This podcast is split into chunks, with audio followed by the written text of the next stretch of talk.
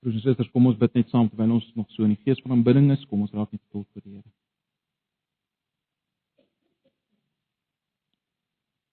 Ja Here, baie baie dankie dat ons kan kom na U wat onwankelbaar is in U trou en getrouheid. Dankie dat U onveranderlik is in U liefde vir ons. Here, dit gaan ons verstand te bowe dat U liefde vir ons onveranderlik is ten spyte van wat ons in onsself is en ten spyte van dit wat U weet van ons. En ons weet daar's net een rede daarvoor en dit is omdat U ons aansien in U seun, die volmaakte, die geliefde. En U ons liefhet met dieselfde liefde. Dit verstom ons. Dit is te veel vir ons, maar ag Here, ons verbly ons in U openbaring. En daarom kom ons met vrymoedigheid en ons vra dat U ver oggend met ons sal praat en werk deur U woord. U woord wat uiteindelik volle betekenis vind in U self die laaste finale woord aan ons. Ek wil vra dat U nou sal bemoedig en sal versterk en sal verander deur U woord in hierdie oggend. Ten spyte van my eie swakheid, gebrokenheid, sonde soos ek hier staan verheerlik U self. Laat die fokus op U val. Ons asseblief, Here, ons vra dit net in Jesus se naam. Amen. Ons is steeds besig met Genesis, ons uh, reeks Genesis. Ons is nou by Genesis 25. Stadig maar seker vind ons ons weg deur Genesis. Ek moet baie eerlik wees, ek nie baie moed gehad vir Genesis te begin het nie. Maar die Here is genadig en is ongelooflik tog wat wat oopgaan as mens regtig begin hier oor pyns en kyk en diep lees. Uh dit is wonderlik wat wat wel hier na vore kom. Ons is by Genesis 25. Weereens ek het julle gesê as ons besig is met hierdie verhalende gedeeltes, hanteer ons groot gedeeltes en daarom is dit nie moontlik om om net een gedeeltjie te vat, een perikoop en dit mooi op te deel soos ons gewoonlik sal doen, sê net maar met 'n brief van Paulus nie uh, is 'n bietjie van 'n ander tipe uh materiaal wat ons hanteer. Uh geweldige lang stuk en ons het net eenvoudig nie die tyd om alles te lees nie. En daarom vertrou ek u uh, sal die gedeeltes by die huis lees. Baie van die gedeeltes is natuurlik bekend. Omdat ons dit al van van kindsdae af ken en lees. As ons kom by Genesis 25, uh sal julle sien Genesis 25 begin waar Abraham weer trou met Ketira. Uh wat ons maar net daar moet raak sien is weer eens dat sy nageslag raak al groter. Uh dan leef, lees ons in vers 7 en 8 af eintlik vanaf vers 7 af tot by vers 11 van Abraham se se sterfte. Dan vanaf vers 12 uh tot 18 Ismael se nageslag wat natuurlik baie betekenisvol is want God het gesê nasies Abraham nasies gaan uit jou voortkom en hier is Ismael en hy het 'n nageslag so dis belangrik. Maar kom ons lees vir vanoggend se doeleinde van net vanaf vers 19 daai gedeelte ook 'n bekende gedeelte maar kom ons lees dit maar weer vanaf vers 19, hoofstuk 25 vers vanaf vers 19. Dan gaan ek 'n paar verse in vers 26 lees en so 1 en 2 een of 2 in vers 8 in hoofstuk 27. So ons hanteer hoofstuk 25 tot 27. So hoofstuk 25 vanaf vers 19. Hier volg besonderhede oor Isak seun van Abraham. Abraham was Isak se pa en toe Isak 40 jaar oud was, het hy met Rebekka getrou. Daarna het ons weer 'n keer gekyk, né? Nee. Sy was die dogter van Betuel, 'n Arameer uit Padan-Aram en 'n suster van Laban die Arameer. Isak het tot die Here gebid oor sy vrou want sy was kinderloos. Die Here het sy gebed verhoor en sy vrou Rebekka het swanger geword. Die kinders het na teen mekaar gestamp. En toe sê sy: "Waarom gebeur so iets met my?" Sy het tot die Here geraadpleeg en hy het vir haar gesê: "Daar is twee nasies in jou, twee volke uit jou sal van mekaar geskei word. Een sal sterker wees as die ander, die oudste sal die jongste dien." Toe Rebekka haar kinders in die wêreld bring, was dit tweeling seentjies. Die eerste is gebore rooi vol hare soos 'n veljas en hy's Esau genoem. Sy broer is na hom gebore en dis sy hand het aan Esau se hakskeen vasgehou. Hy is Jakob genoem. Isak was 60 jaar oud toe hulle gebore is. Die seuns het groot geword. Esau was 'n ervare jagter, 'n man van die veld. Jakob was 'n rustige mens, hy het tuis gebly. Isak het vir Esau voorgetrek want Isak het van wildswys gehou. Rebekka weer het Jakob voorgetrek. Op 'n dag terwyl Jakob lentjies op aan die kook was, kom Esau doodmoeg uit die veld daaraan en sê vir Jakob: "Laat my gou van die rooi goed wegsluk." Van daardie rooi goed, ek is doodmoeg. Daarom is hy Edom genoem. Toe sê Jakob vir hom: "Verkoop eers jou reg as eersgeborene aan my." Esau het geantwoord: "Ek gaan tog sterf. Wat baat dit my om die eersgeborene te wees?" Jakob sê vir hom: "Beloof my nou met 'n eed dat jy hom dat jy jou reg as eersgeborene aan my oormaak." Esau het dit gedoen en so sy reg as eersgeborene aan Jakob verkoop. Daarna het hy vir Esau brood en lentsies opgegee en hy het geëet. Toe hy klaar was, het hy uitgestap. Dit is hoe min Esau gedink het van sy reg as eersgeborene. Dan hoofstuk 26.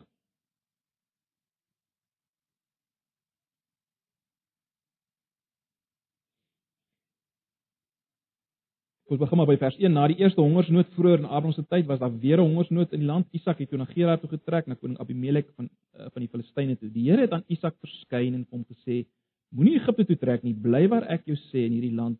Bly tyd lank hier en ek sal by jou wees en jou voorspoedig maak. Ek gee hierdie hele wêreld, of jy kan dit ook vertaal met land, aan jou en jou nageslag. Ek sal die belofte nakom wat ek met 'n eed teenoor jou vader Abraham afgelê het. Ek sal jou nageslag so baie maak soos die sterre aan die hemel. Ek sal hierdie hele wêreld aan jou nageslag gee en al die nasies van die aarde sal in jou nageslag geseën wees. Want Abraham het na my geluister en hy was gehoorsaam aan my bevel, my gebooie, my voorskrifte en my wette. Isak het toe in Gerar gebly. Die mense daar het oor sy vrou begin uitvra en hy het gesê: "Dis my suster." Hy was bang om te sê dis sy vrou want dan dan sou hulle hom doodmaak oor Rebekka wat 'n baie mooi vrou was. Ons lees net so ver tot daar. Kom ons lees net vers 12 ook. Isak het in daardie gebied gesaai en daardie jaar het die saad 100 100voudig geskied. Die Here het hom voorspoedig gemaak.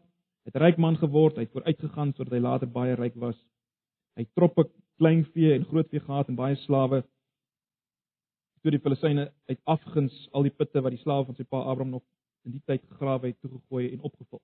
Kom ons gaan nou net aan. Uh ons lees dit van vers 19. Isak, julle sal nou nou jy sal nou wonder hoekom ek nou juist dit lees maar ek hoop dit sal later duidelik word. Uh Isak se slawe vers 19 het 'n put gegrawe en die spruit en sterk water gekry. Toe stry die skaapwagters van Gerar met die van Isak en sê die water behoort aan ons. Isak het tot die put rusie genoem omdat hulle daarmee om rusie gemaak het. Die slawe het 'n ander put gegrawe en ook daaroor het die Filistyne klagtes gehad en toe noem Isak dit klagte. Van daar af het hy uh, versit en 'n ander put gegrawe en hulle het nie daaroor gestry nie. Toe noem hy die put ruimte want hy het gesê nou het die Here vir ons ruimte gemaak in die land en in die land sal ons voorspoedig wees. Hoofstuk 27. Ek gaan nie baie lees nie. Dis 'n bekende dis 'n bekende gedeelte. Julle ken dit. Ons ken dit. Nee, ehm um, Abraham ag uh, uh, uh, Rebekka en en Jakob wat vir Isak bedrieg om die bos probeer, probeer lei jy sal weet met die velle om die arms en so meer en so meer hele gedeelte van die uh die eerste woord reg toe Esau nou weg was en so meer julle ken dit hoef dit nie te herhaal nie kom ons kyk net na vers 41 van Hoofstuk 27 Esau het vir Jakob gehaat oor die seun wat sy pa hom gegee het. En Esau het homself gesê: "My pa se dood is nie meer ver nie, dan maak ek my broer Jakob dood." Daar vers 42 daar is aan Rebekka vertel wat haar oudste seun gesê het. Sy het toe uh sy het toe haar jongste seun Jakob laat roep en vir hom gesê: "Pas op, jou broer Esau is op die wraak uit. Hy wil jou vermoor. Luister my seun, vlug Haran toe na my broer Laban toe en bly ruk by hom tot jou broer se woede oor is. As hy by oor jou gesak het, en hy vergeet dit wat jy hom aangedoen het, sal ek stuur en jou daarvandaan laat haal. Waarom moet ek albei op een dag verloor? Goed, ons ons lees net daai paar verse. Dis jammer dat mens nou so wat en haar moet lees, maar soos ek nou verduidelik het, ehm um, van baie lank besig wees ons alles lees. Ag broers en susters, ek dink julle sal my saamstem as daar een waarheid is waarvan mens al meer bewus word soos jy ouer word, dan is dit die waarheid omtrent die gebrokenheid, die stikkenheid, die swakheid en die sonde van gelowiges. Nee, mens mens raak al meer onder die oortuiging langer mens op die pad is dat jou medebroers en susters, mede-Christene is gebroken, stikkend en sukkel met dinge. En baie interessant, Hierdie dinge word van generasie na generasie oorgedra. Jy het al agtergekom. Ja, verseker, verseker is dit so dat die seënings van God in Jesus Dank God daarvoor. Die seënings van God in Jesus word ook van generasie na generasie oorgedra, uh, oorgedra. Verseker, maar die stikkindheid van gesinne van familie oor generasies heen en let op my woorde binne die kerk van Jesus Christus. Dis 'n saak uh waarvan ons nie kan wegvlug nie, 'n werklikheid, as ek dit so kan stel, waarvan ons nie kan wegvlug nie. En en ek dink die meeste van julle soos julle hier sit, sal voorbeelde kan noem daarvan. Baie van julle is deel van die statistieke daarvan. Ag, dink maar net. Dink maar net aan die manier hoe jy konflik hanteer. Kritiek hanteer. Hoe jy geld hanteer. Hoe jy uitdrukking gee aan jou emosies. Is dit nie so dat jy in 'n mate elke keer weer jou pa, ma daarin sien of jou broers en susters? Hoe hulle dit gedoen het. En waarskynlik is dit weer hoe hulle ouers en broers en susters dit gedoen het. Julle weet waarvan ek Nou, broers en susters, die die wonderlike nuus vanoggend is dat dat God sy verbondsbeloftes en in ons geval nou die beloftes in Jesus Christus, die nuwe verbondsbeloftes. Die wonder is dat God dit waar maak en voortsit deur al hierdie gebrokenheid en swakheid en stikkindheid heen. Maar bo en behalwe dit, en dis wat ek wil hê ons moet vanoggend ook raak sien. Bo en behalwe dit, is daar nog meer hoop vir ons wat leef onder die nuwe verbond. En dit is dat dat ons wat nou die uiteindelike kinders van Abraham is deel het aan die nageslag van Abraham Jesus.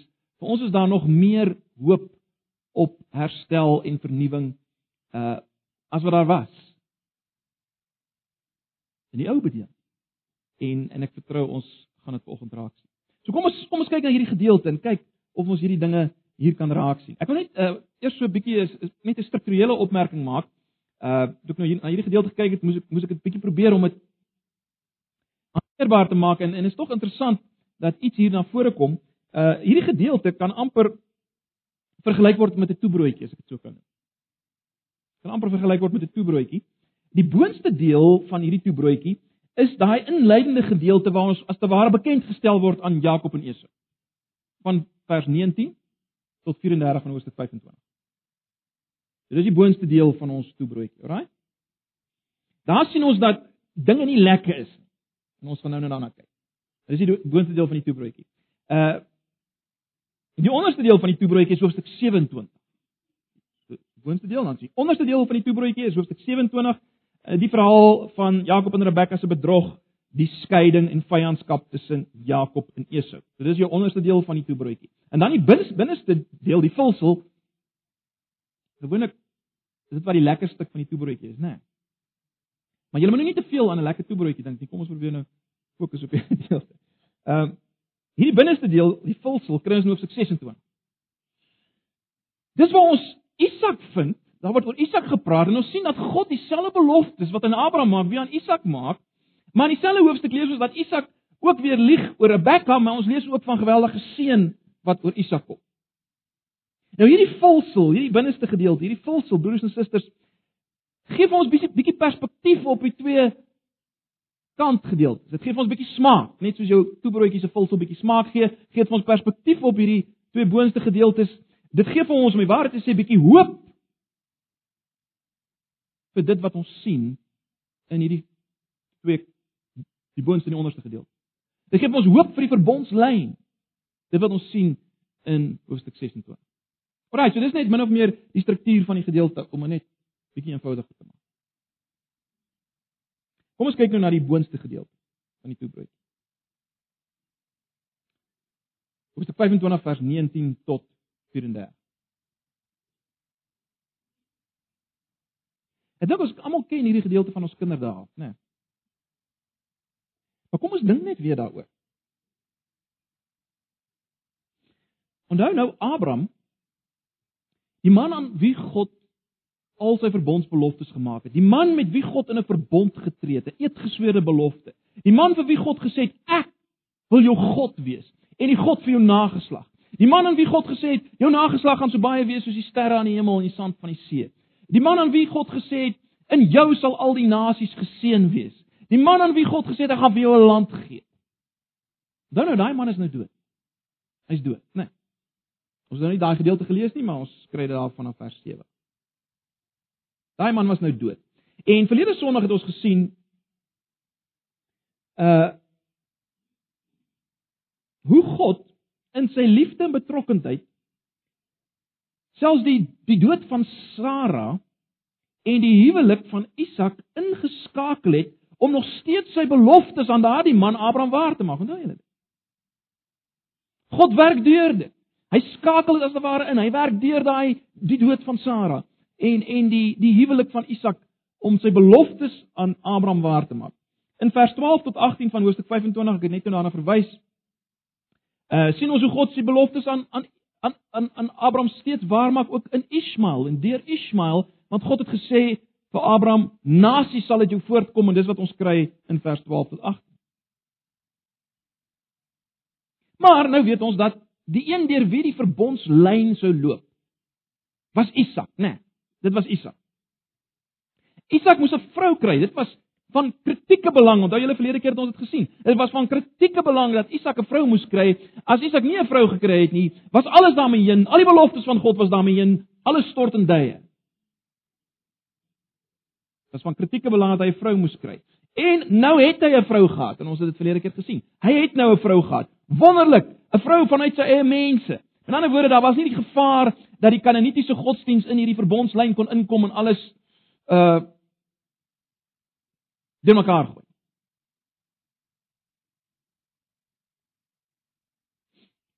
Meer nog, die wonder was dat hierdie vrou dieselfde geloof openbaar het as Abraham om uiteindelik weg te trek en na Isak toe te gaan.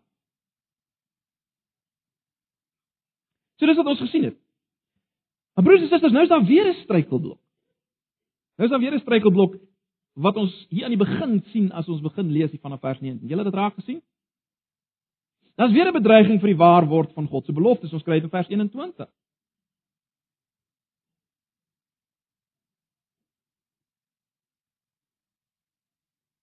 Het julle dit gesien? Isak het tot die Here gebid oor sy vrou want sy was kinderloos. Hier's Rebekka ook alweer kinderloos. Mens sien dit oral, is dit nie? Julle wat nou Genesis gedoen het, sou nou al baie opgetel het. Hier's Rebekka weer kinderloos. Dis 'n krisis, hoor. As hierdie nou kinders kom nie, is al die al die al die beloftes van God weer daarmee heen. So dis 'n groot krisis. En ja, ons sien dan dat Isak bid en die Here laat haar swanger word. God bly getrou. Maar as die kinders gebore word, is daar reeds tekens van probleme, né? Ehm um, en en die hele verhaal wat dan volg is eintlik een van karakterprobleme en van konflik, né? Uh die twee kinders sou as te ware twee nasies word en ons sien die oudste sou die jongste dien.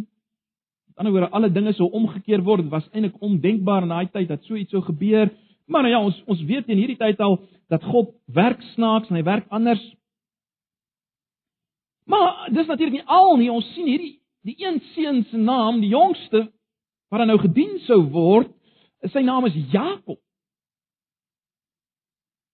Nou vir ons is dit nie so baie betekenis nie, maar in die Ou Testament se tyd het name 'n geweldige betekenis gehad en, en Jakob beteken bedrieger, ek julle weet dit. Maar dis 'n skok, is dit nie? Hoor te skok.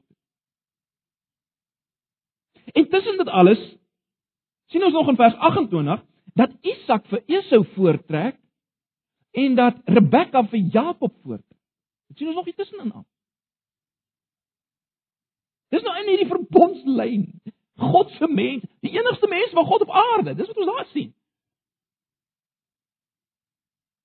Nou in hierdie eerste deel van die toebroodjie waarmee ons nou besig is, uh, is dit is dit veral Esau wat natuurlik uitstaan as die twyfelagtige een, né?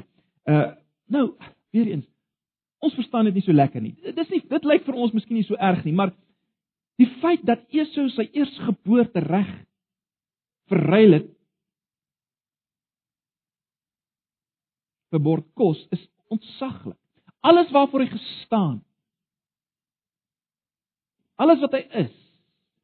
Al sy agtergrond, alles gooi as te ware weg. Dit was ongeken.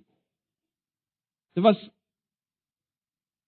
uiters onaanvaarbaar. En en die skrywer van Genesis wil wil daar klem lê as hy afsluit daar in vers 34 uh die nuwe vertaling, die 83 vertaling sê, dit is hoe min Esau gedink het van sy reg as eersgeborene. Die skrywer wil vir ons sê, dis geweldig. Die die 53 vertaling lees, so het Esau dan sy eersgeboorte reg verag. Dis nog baie erger as 'n seun wat vandag maar net aangaan soos hy wil. Hy hy gee nie om van waar hy kom en wat sy agtergrond is, hoe sy ouers en sy voorouers en so meer geleef het nie. Dis is meer as dit. Maar dit is geweldig. So Esau hier in die eerste deel van die toebroodjie uh is die is die twyfelagtige een, maar maar alreeds die naam van Jakob sê vir ons dinge is nie lekker. Goed, maar dis die eerste deel van die toebroodjie. Nou kyk ons na die onderste deel. Genesis 27. Nou, waar mens nou kon sê dat in die eerste deel van die toebroodjie, die boonste deel, Esau as te ware uitstaan as die twyfelagtige een, die slegte een. As ons nou in hoofstuk 27 kom, dan raak alles baie meer gekompliseerd, né? Nee. Want dan sien mense nou ons het nou nie alles gelees nie, maar julle ken tog die verhaal. Dan sien ons hoe Rebekka saamwerk met Jakob om Isak te bedrieg. So hier sommer vrou teen man ook nog. Maar hulle werk saam om Isak te bedrieg. En ewe skielik sien ons dat Jakob is eintlik meer twyfelagtig as Esau. En 'n mens raak ontsettend bekommerd as jy dink wel, hy is nou die een waar jy die verbondslyn moet loop. Hy is die een deur wie al die nasies geseën moet word. Ja.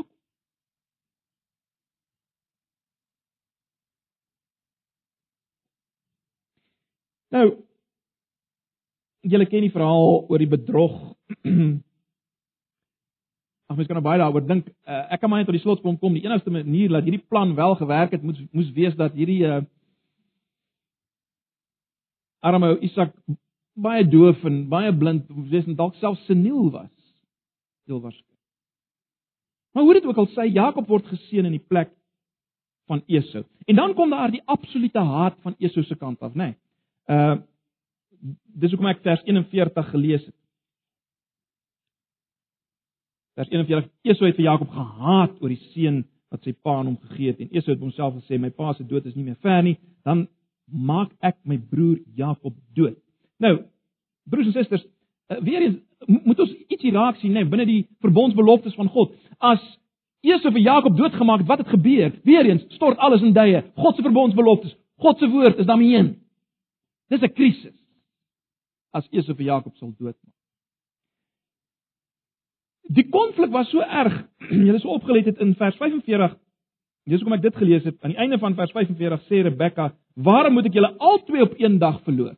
Jy sien as hierdie twee broers mekaar sou begin vat het by wyse van spreuke, dan was daar die moontlikheid dat alles albei daarmee heen is. Nou stort alles in duie en, en Rebekka is bang daarvoor. Bang sy sê al sy gaan albei verloor op een dag. Die opdrag van Rebekka en Jakob in vers 43 en sy sê vir hom vlug, vlug weg. Uh dis natuurlik iets wat mense ook moet raak sien, né? Nee. Wat van die landsbelofte? As Jakob uit die land uit vlug, wat gaan van die landsbelofte word? Weereens, God se beloftes is op die spel. As Jakob uit die land sou vlug, moet dit raak sien. Krisis op krisis. Landsbelofte word bedreig. Hoe dit ook al sê, broers en susters, in kort. Die twee buitenste dele van hierdie toebroodjie, boons in die onderste deel, laat 'n mens in groot twyfel oor die verbondsbeloftes van God aan die een kant. Aan die ander kant is mens diep onder die indruk van die gebrokenheid van die rolspelers binne die verbond, die sonde. Mense is onder die indruk van hulle sonde, hulle gebrokenheid. So mense wonder oor die beloftes van God, hoe gaan hy dit waarmaak aan die een kant, aan die ander kant wonder mense oor hierdie karakters, hulle sonde en hulle gebrokenheid. Ek meen, gaan God regtig deur Jakob sy ewige enigste plan in hierdie wêreld, gaan hy dit deur hierdie ou deur. Het jy al daaraan gedink? Vir al die mense op aarde wat God kon gebruik het. Dis die enigste plek waar hy ingryp in die in die wêreld en hy hy wil deur hierdie ou. Ja. Geweldig as mens 'n bietjie daaraan dink. Ons is so na gewoond en ons dink nie meer daaraan. Maar goed. Kom ons kyk nou na die vulsel. Genesis 26. Genesis 26. Wat kry ons hier? Wel broers en susters, ons sien dat God aan Isak en sy nageslag die verbondsbeloftes aan Abraham bevestig. Nee, hy herhaal dit dan. Hy herhaal dit aan hom. Alles wat hy vir Abraham gesê het, sê hy weer vir Isak.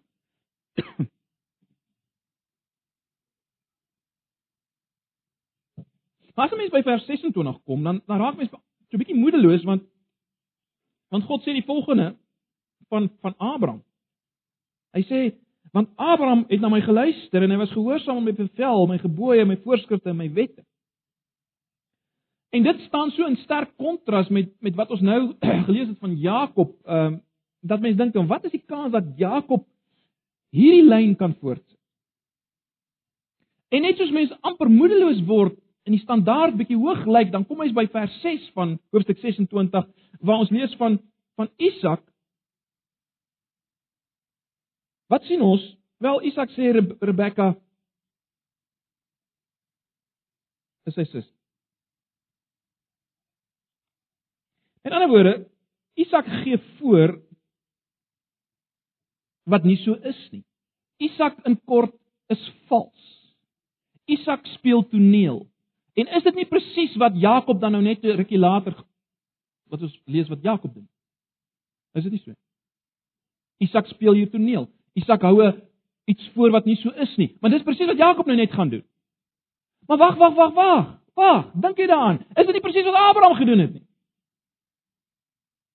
Het Abraham nie twee keer gelieg oor Sara? En tog sê God dat Abraham hom behaag het. Abraham gedoen het wat hy wil. Broers en susters, ons het al daarna verwys, maar onthou dit net. Ons moet dit weer hier raak sien. Die enigste rede hoekom God dit van Abraham kon sê. Die enigste rede hoekom kon God kon sê Abraham het hierdie dinge gedoen. Is gehoorsaam aan my gebooie. Die enigste rede daarvoor is Genesis 15 vers 6, waar ons gelees het dat Abraham het in God geglo en God het dit vir hom tot geregtigheid gereken. God het dit gereken as dat hy in die regte verhouding met God staan, omdat hy in God geglo het. Daarom reken God hom as iemand wat sy gebooie hou en gehoorsaam. Hoe is dit moontlik? Wel, die enigste rede omdat deel van dit wat Abraham geglo het was wat? Deel van dit wat Abraham geglo het was die saad in wie al die nasies uiteindelik die finale saad in wie almal geseën sou word. En wie's dit? Wel ons weet dit, Galasiërs 3 vers 16. Julle behoort Galasiërs 3 vers 16 al te ken. Waar dit eksplisiet gesê word, hierdie nakomeling, hierdie saad waarvan Genesis praat, is Christus. Jy sien, die enigste rede waarom God so positief oor Abraham kom praat, as een wat sy gebooie nakom, letterlik sy Torah, Die enigste rede waarom God dit kon doen, is omdat iemand in die plek van Abraham sy oortreding van die verbond gedra het. Sy die verbondsvloek in sy plek gedra het. Dit waarvan die besnydenis praat. Onthou julle, die besnydenis in die teken self sien ons wat gaan gebeur as jy oortree in hierdie verbond, jy gaan afgesny word. En jou nageslag gaan afgesny word. En dis wat met Jesus gebeur. Ons het al daaroor En Jesus doen dit broers en susters. Hy's geoordeel in die plek van Abraham, maar ook in die plek van luister mooi, in plek van Isak. En hy's geoordeel ook in die plek van Jakob. En hy's geoordeel ook in die plek van my en jou. Hy het ook in ons plek die skuld van verbondsverbreking gedra. Die hele verbondslyn. Vir my en jou wat nou deel het aan die kom ek noem dit die herbevestigde Abraham verbond want broers en susters die nuwe verbond en ek het dit al genoem die nuwe verbond waarvan die Nuwe Testament praat is niks anders as die herbevestigde verbond van met Abraham nie. Dis waar die hele boek Galasiërs gaan. Ons is nie meer deel van die wet van Moses nie. Die verbond met Moses die Mosaïese verbond nie. Nee. Ons is weer terug in die Abraham verbond die herbevestigde verbond met Abraham. Wat gaan deur die geloof? Gaan oor geloof nou in Jesus die uiteindelike saad. Eksplisiet word dit gestel, sal julle weet in Galasiërs 3 vers 29 staan daar: "En as julle aan Christus behoort, is julle ook nakommelinge van Abraham en erfgename kragtens die belofte van God." Dis en dis wat vir ons hoop gee. Dis die enigste hoop vir Jakob. Dis die enigste hoop vir my en jou. Maar goed, terug na hoofstuk 26. Terug na hoofstuk 26. Het julle gesien hoe God Isak seën? Dis hoekom ek vers 12 en vers 28 gelees het.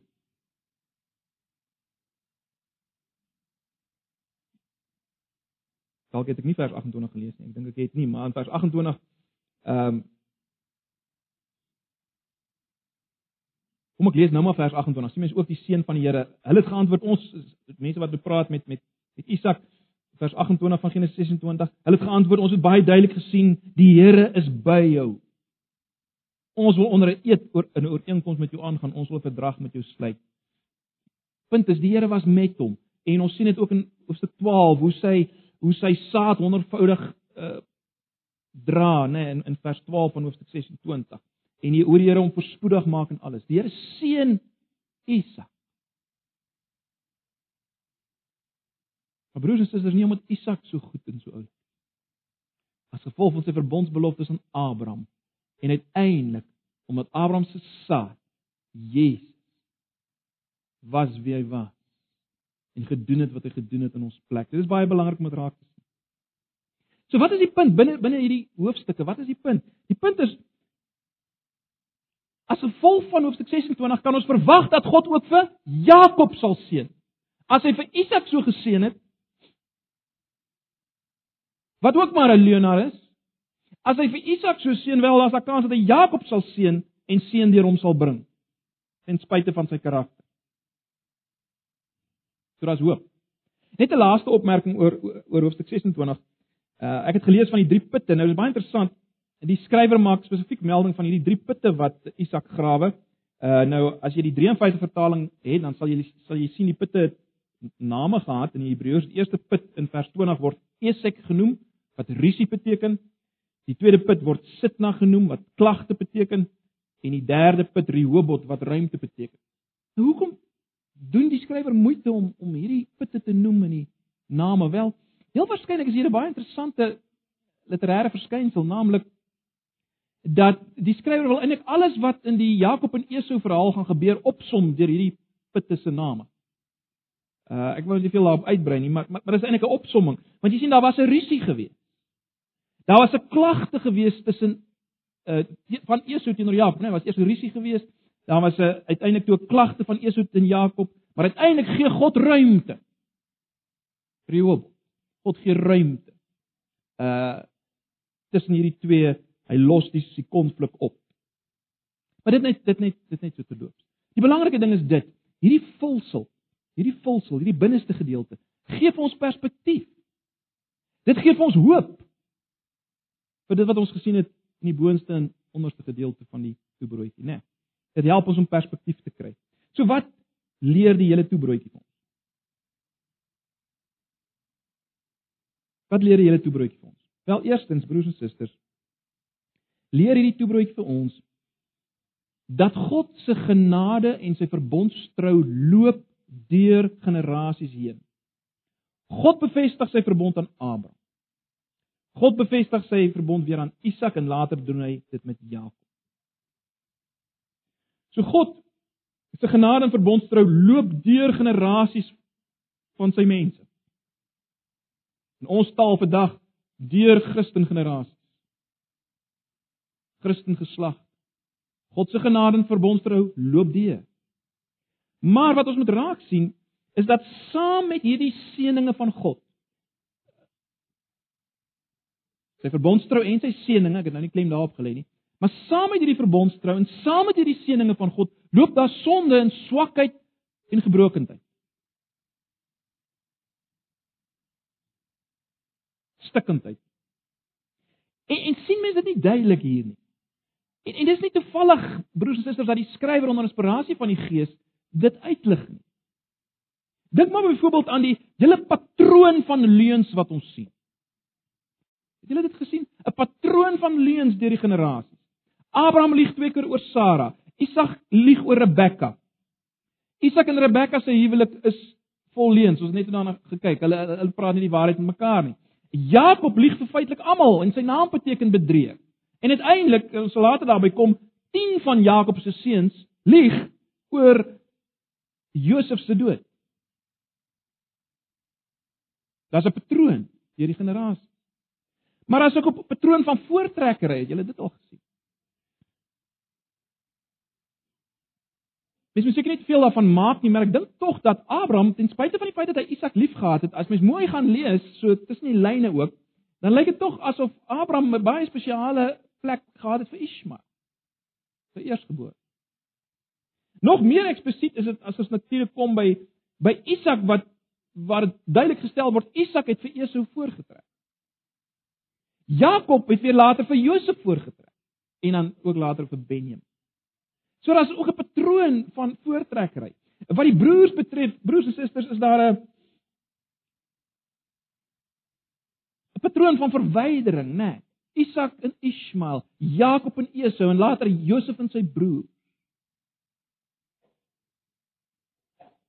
Aan die ander wyse saam met God se genade, saam met God se seën binne sy verbondslyn loop hierdie gebrokenheid, hierdie stikkendheid.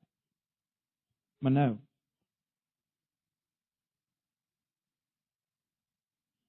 Wat van ons? Ons wat leef binne die nuwe verbond. Broers en susters, ek wil dit waag om te sê dat vir ons wat in die nuwe verbond bedeling leef, wil hierdie toebroodjie nog meer hoop gee. Kom ek sê dit so, ons kan nie net weet dat God ten spyte van ons sonde en gebrokenheid getrou bly nie. Ons kan nie net of ons hoef nie net ons te verheug in die feit dat God as gevolg van dit wat Jesus in ons plek gedoen het, ons anders sien en ons anders hanteer as wat ons dikwels onsself sien en hanteer en ander ons sien en hanteer. God sien ons anders en hanteer ons anders. Maar maar dis nie al nie. Dis nie al waarna ons ons hoop kan plaas nie.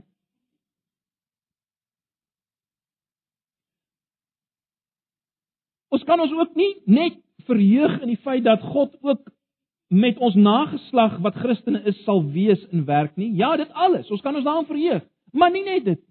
Daar's meer. Daar's meer.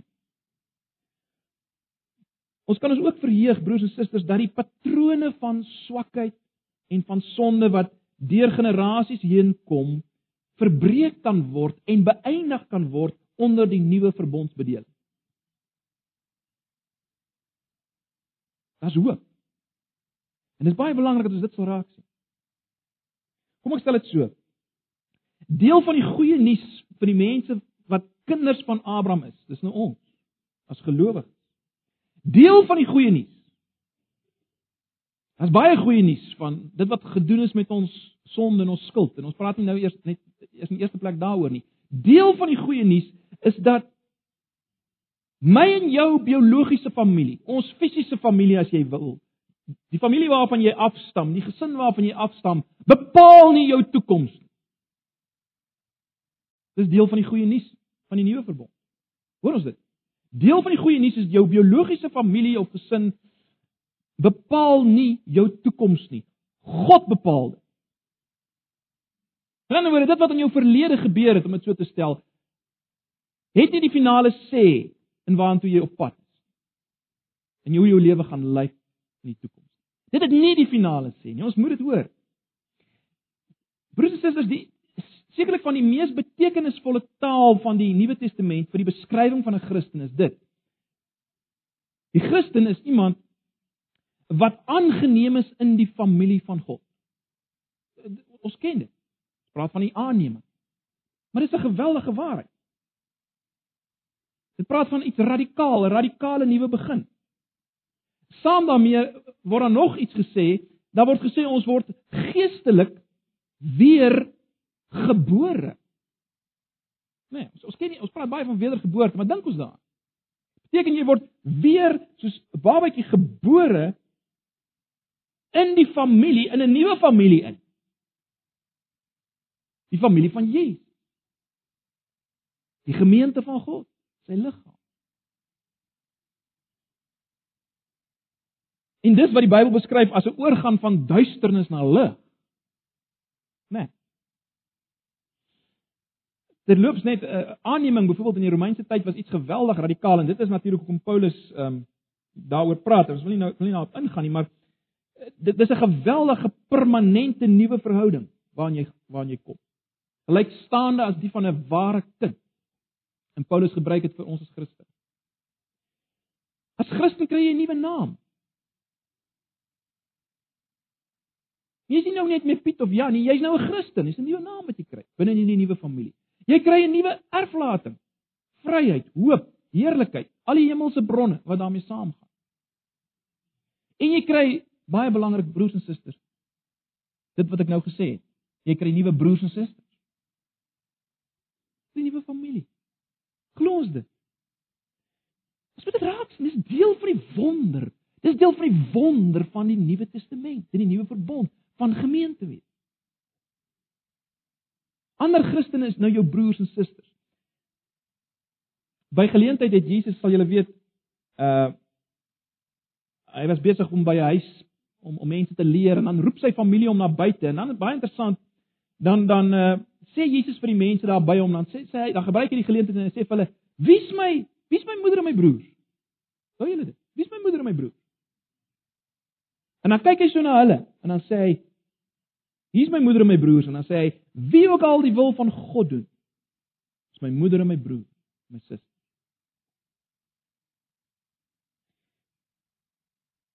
Kyk in die antieke wêreld was dit geweldig belangrik, né? Nee? Uh om jou pa en ma te eer. Die, die wêreld waarin Jesus groot geword het, was ontsaglik belangrik. Dis iets wat ons vandag uh lyk my besig is om te verloor. Maar was ontsettend belangrik dat jy jou pa en ma sal eer. En Jesus doen dit. Hy eer sy pa en ma.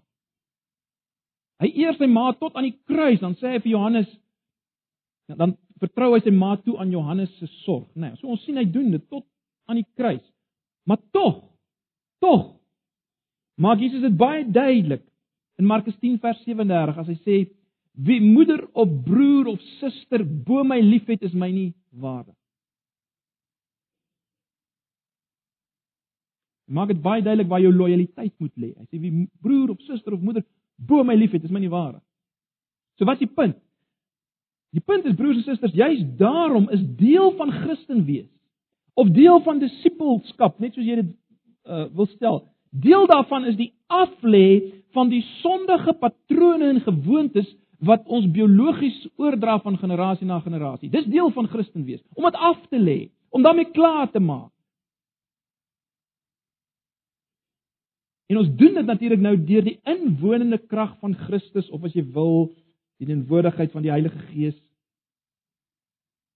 Ja, die saad van Abraham woon nou in ons deur sy Gees, die uiteindelike finale saad deur wie die seun kom, is nou in ons. Dis uiters belangrik, broers en susters. Ja, natuurlik ons eer ons ouers en ons kultuur en ons geskiedenis. Maar bo dit alles staan ons gehoorsaamheid aan God, né? Nee ons nuwe identiteit, nuwe familie.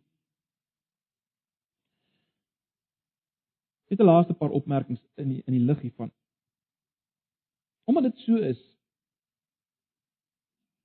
moet elke kind van God, elke Christen moet broers en susters baie ernstig kyk na na die gebrokenheid en die swakheid en die sonde wat deel was van dit waar jy gekom het en jou kultuur ook. Maar vanuit jou familie en jou kultuur. Baie van ons is nie sukkel om eerlik te wees daarmee, né? Nee. Ons sukkel om eerlik te wees met met met die impak wat ons gesinne, ons ons families op ons gehad het. En en sekere sekere uh gebeure in die geskiedenis wat die impak daarvan was wat dit in ons lewens het. In, in sondige patrone in ons lewens. Ag en ek wil nie nou op die ou snaar van van die apartheidsbedeling slaan soos almal nie, maar broers en susters, dit het maar 'n invloed op ons. In ons siening van ander kleriges wat sondig. Dit is maar so. Kom ons erken dit.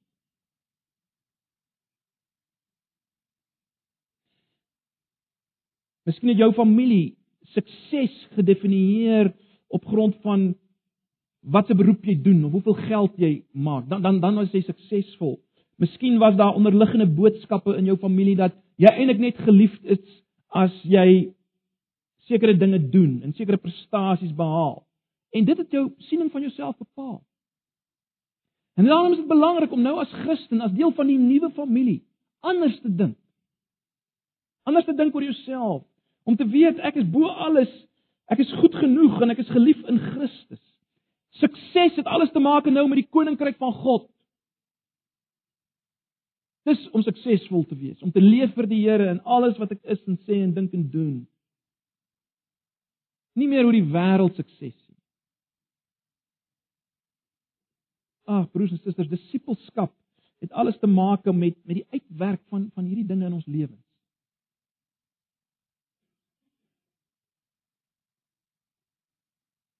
Dis tragies dat ons dikwels onder die oppervlak, né, nee, as ek dit so kan stel, onder die oppervlak as Christene doen ons maar net weer dit wat ons biologiese gesinne en families deur die generasies gedoen het, dieselfde patrone. Dieselfde patrone van optrede teenoor mekaar. Broers en susters, dis waar dis waar die gemeente inkom. God wil hê dat dat gemeentes sy liggaam nuwe families moet wees waar waar hierdie dinge verander, waar waarop ons as te ware weer opnuut moet groot word. Opgroei. En hierdie dinge moet deurbreek. Dis hier waar daar weer moet versoening kom, ook tussen biologiese broers en broers en susters en susters en ouers en kinders. Want dis dis nou 'n nuwe familie. En hoor wat ek probeer sê. Dis uiters uiters belangrik. God wil hê broers en susters, gemeente moet gemeentes moet plekke wees waar mense waarlik vrykom en werklik geseën word deur die finale saad van Abraham Jesus. Ek wil hê ons moet dit vanoggend vat en en en en die hoop daarvan vat. Maar kom ons bedink dit, kom ons bid daaroor. Kom ons uh, begin leef in die lig daarvan. Hoef nie aan te gaan met patrone soos ek daarmee aangegaan het deur die generasies hier in die nuwe familie van God kan dit deurbreek word en kan daar heelheid plaasvind. Ag mag die Here ons daarmee help. Die Here ons daarmee genadig wees. Maar dis wat hy wil. Dis deel van die verlossing wat wat God bring. Ek is oortuig daarvan. Oortuig daarvan. Kom ons sit net so dan bid ons. Here baie dankie vir u woord. Dankie dat u getrou bly deur generasies heen in u genade ten spyte van wie ons is. en dat U ons gebruik ten spyte van ons gebrokenheid. Maar dankie ook Here dat ons kan weet dat U wil selfs verder as dit gaan. In die nuwe verbond. U wil ons ook dieper genees. En dieper herstel. Here, U ken ons elkeen, U ken my. U weet hoe stikkend ons. Daarom staan ons verstom oor die feit dat U nog enigsins met ons bemoei is. En dankie dat U so God is. Eer U daarvoor. Ag Here, ons pleit U dat U ons al meer en meer in hierdie gemeente as 'n nuwe familie sal dit opgroei soos U wil. Ons bid dit in Jesus se naam. Amen. Kom ons sluit af met 'n laaste